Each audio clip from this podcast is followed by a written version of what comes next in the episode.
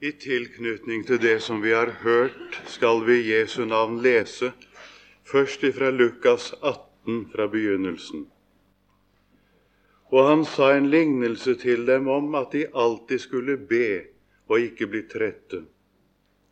Det var en dommer i en by som ikke fryktet Gud og ikke unnså seg for noe menneske. Og det var en enke der i byen, og hun kom til ham og sa, Hjelp meg til å få rett over min motstander. Lenge ville han ikke, men til slutt sa han ved seg selv:" Om jeg enn ikke frykter Gud og ikke unnser meg for noe menneske, vil jeg hjelpe denne kvinne, for at hun ikke til slutt skal komme og legge hånd på meg. Og han sa, Hør hva den urettferdige dommer sier. Men skulle da ikke Gud hjelpe sine utvalgte til deres rett, dem som roper til ham dag og natt? Og er han sen når det gjelder dem? Jeg sier eder at han skal skynde seg og hjelpe dem til deres rett. Men når Menneskesønnen kommer, mon han da skal finne troen på jorden. Så skal vi videre lese fra Johannes 14, også fra begynnelsen, der Jesus sier Eders hjerte forferdes ikke. Tro på Gud og tro på meg. I min fars hus er det mange rom. Var det ikke så, da hadde jeg sagt eder det. For jeg går bort for å berede eder sted. Og når jeg er gått bort og har beredt eder sted, kommer jeg igjen for å ta eder til meg, for at også I skal være der hvor jeg er. Og endelig fra Jesu ypperste prestelige bønn i Johannes 17, 24. Fader, jeg vil at hvor jeg er, der skal også de som du har gitt meg, være hos meg, for at de skal se min herlighet som du har gitt meg, fordi du har elsket meg før verdens grunnvoll ble lagt. Rettferdige Fader, verden har ikke kjent deg, men disse har kjent at du har utsendt meg. Og jeg har kunngjort dem ditt navn, og jeg vil kunngjøre dem det, for at den kjærlighet hvormed du har elsket meg, skal være i dem, og jeg i dem. I det første ordet jeg leste her fra Lukas, taler Jesus om å be og ikke bli trett og av sammenhengen ser vi at det er en ganske bestemt slags bønn han der tenker på, nemlig det å nå frelst hjem til det fullkomne Guds rike. Eller om du vil, få bli med Jesus når han kommer igjen for å hente sine. Det å være en kristen, det har vi snakket om her, det er det samme som å dele kår med Jesus. Det er stort, altså. Jesus kom hit til jorden og delte kår med oss. Han kom hit og ble menneske, Guds sønn. Han ble det som du og jeg er, vil si han var syndfri. Men han ble gjort til det som du og jeg er.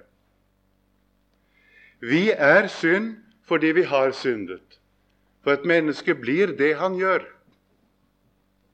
Og når en gjør synd, så blir en synd. Og så står det at han som ikke visste av synd, han ble gjort til synd for oss. For at vi skal bli rettferdige for Gud i ham. Slik kom han inn i våre kår, tok det på seg, for at vi isteden skal få hans kår og få det for intet.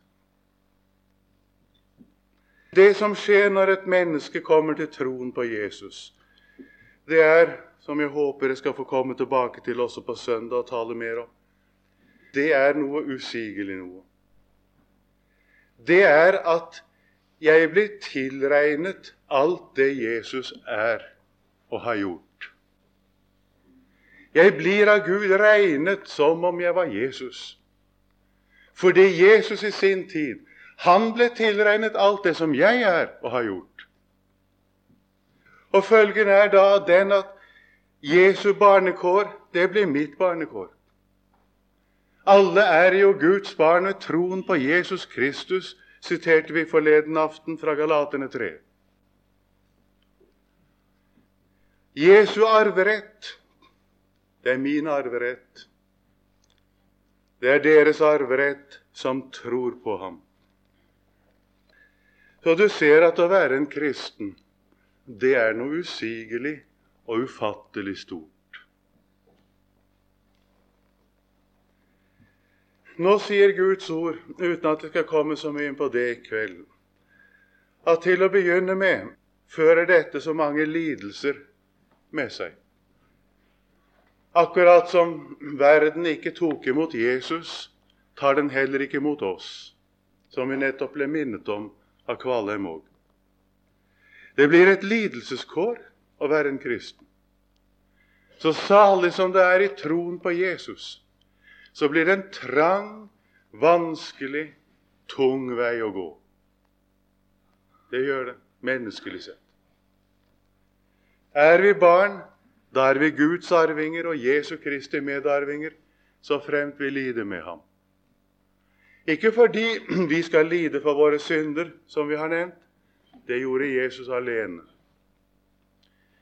Men fordi det er ikke populært å være en kristen, og kan ikke være det. Verden har ikke kjent meg, sier Jesus. Derfor kjenner den heller ikke den som tror på Jesus.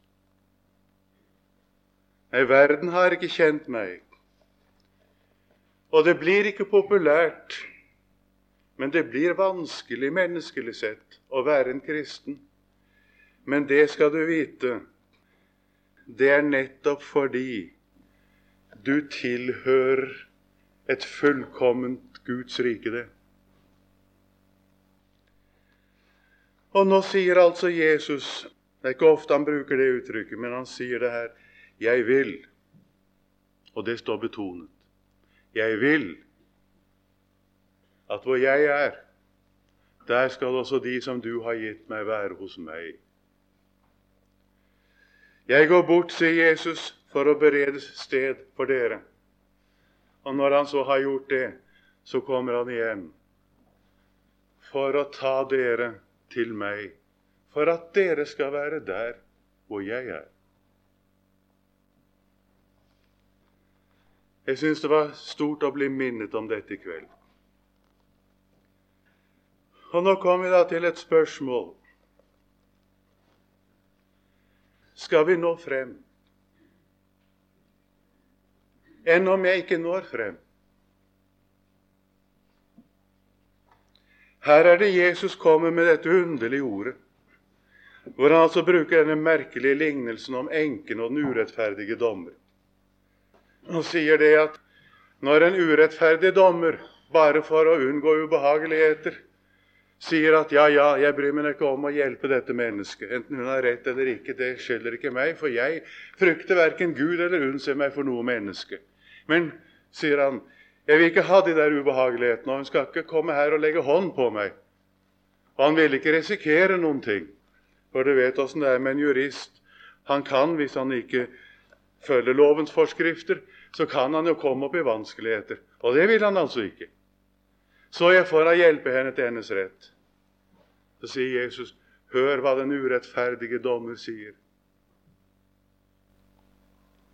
skulle da ikke Gud hjelpe sine utvalgte til deres rett? Og Det som særlig ligger meg på hjertet å få peke på her, er det Er du klar over det, du som tror på Jesus, at du har rett til å komme til himmelen?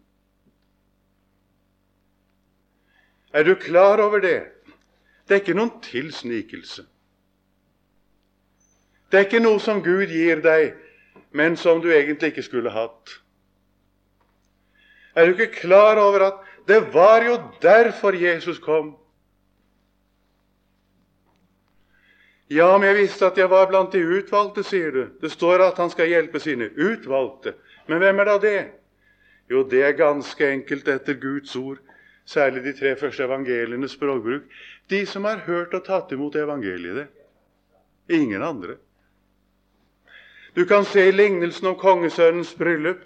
og Vi talte om det her for tre år siden også ganske utførlig på flere møter. Du ser i den lignelsen om kongesønnens bryllup at Guds utvelgende nåde går ikke gjennom løse luften, men i et budskap, i ord om Jesus. Der hvor ord om Jesus blir forkynt, der er Guds utvelgende nåde virksom. Når du sitter her og hører ord om Jesus, er du gjenstand for Guds utvelgende nåde. Og jeg vil gjerne ha sagt det til deg som ikke er en kristen. Simpelthen det at du med dine legemlige ører hører ord om Jesus, betyr at du er her og nå gjenstand for Guds utvelgende nåde. Og hvis du da altså ikke avviser dette ordet, men lar det gå inn, og som også Kvalheim nå nettopp sa, lar det skape noe i ditt hjerte som gjør at du fatter tillit til det Jesus er, og det Jesus har gjort, da har du blitt utvalgt og er en av de utvalgte. La meg før jeg går videre få lov å sammenligne dette med et annet ord, som svarer på et viktig spørsmål. Hvordan skal jeg vite at jeg får bli med når Jesus kommer igjen? Det står i slutten, det siste vers av Salme 37. Herren utfrir dem og hjelper dem. Herren frelser dem, og han utfrir dem fra de ugudelige, fordi de har tatt sin tilflukt til ham.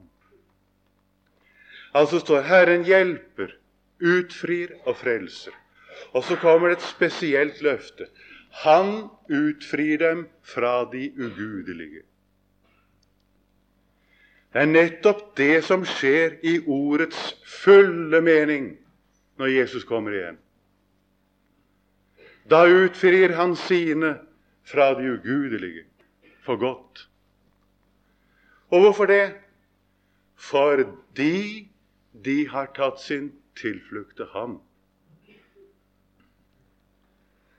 Et menneskehjerte som stoler på Jesus, forstår du. Virkelig stole på ordet om Jesus. Det menneskehjertet er frelst. Det har evig liv. Det mennesket er et utvalgt menneske for det har ikke du tatt av deg selv og fattet tillit til Jesus. Når det store skjer, at et menneske mister troen på seg selv, inklusive troen på all den kristendommen selv kan prestere også, og så fatter tillit til Jesus I sannhet er det mennesket et utvalgt menneske. Og nå vil Jesus ha lagt oss det på hjertet. Vi har en rett. Har jeg en rett? Ja, du. Ikke fordi du har fortjent den, og ikke jeg, og langt ifra. Men vi har en rett fordi Jesus har skaffet oss den. Det å ville si som så at ja, men jeg kan da ikke ha noen rett til å komme til himmelen slik som jeg er. Det er akkurat det samme som å vise mistillit til Jesus. det. Og det var ikke det du ville. Dette sier Jesus for at vi skal ikke gå trett i å be om det og få oppleve det fullkomne Guds rike. Det var den retten han kjøpte oss med sitt eget blod. Og du kan sitte her og høre det, ta imot det. Fritz Larsen fortalte meg han hadde vært på et møte nede i Egersund, var det vel, Jeg er sikker på mange av dere var der og hørte ham den gangen. Så hadde han talt om dette. Du kan ikke tro om en kjære, så hør! Gud har jo sin sønn for oss givet. Han talte om dette at troen det kommer av at man hører. Og hørelsen det skjer ved at ordet om Jesus blir forkynt.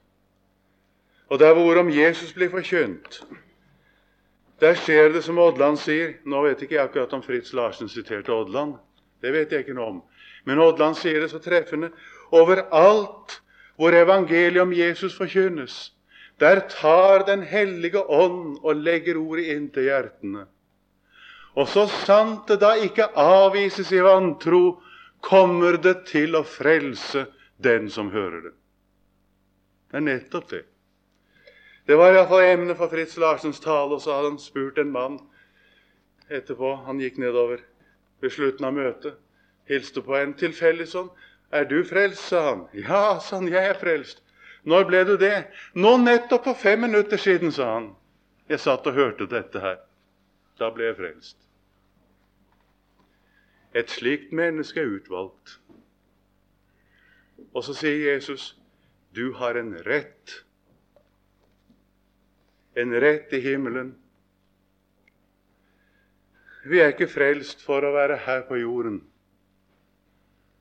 Og du skal vite det. Denne retten til å komme hjem til Jesus, den er så velsignet uavhengig av oss. Visselig er det så at Guds nåde virker noe i hjertene på de troende. Det gjør den. Og Guds ord peker også på at det Guds ånd virker i hjertene, det er et kjennetegn på at et menneske lever med Gud. Men du finner ingen steds i Bibelen at det er en betingelse for å bli en kristen. Og heller ikke at det er en betingelse for å nå himmelen. Fordi nemlig vi har ikke annet å gå inn i himmelen på enn det som røveren på korset gikk der inn på, og det er nok. Og jeg spør deg, hva sier du til en slik rett? Er det så farlig om vi ikke åpner hva vi ønsker her i verden alltid? Er det noe så farlig om det ble ikke slik med vårt liv her på jorden som vi hadde tenkt? Det ble ikke så forferdelig storslagent. Det ble svært alminnelig. Ja, kjære deg, hva gjør det? Her i tiden nå, her er vårt liv skjult med Kristus i Gud. Men når Kristus, vårt liv, åpenbares, dvs. Si når Jesus kommer igjen, da skal og i åpenbares med ham i herlighet. Og da skal det vise seg det var ikke noe småtteri å være en kristen, nei. Ja, det er godt at Jesus kommer, og at han kommer snart. Du skal vente på ham med glede.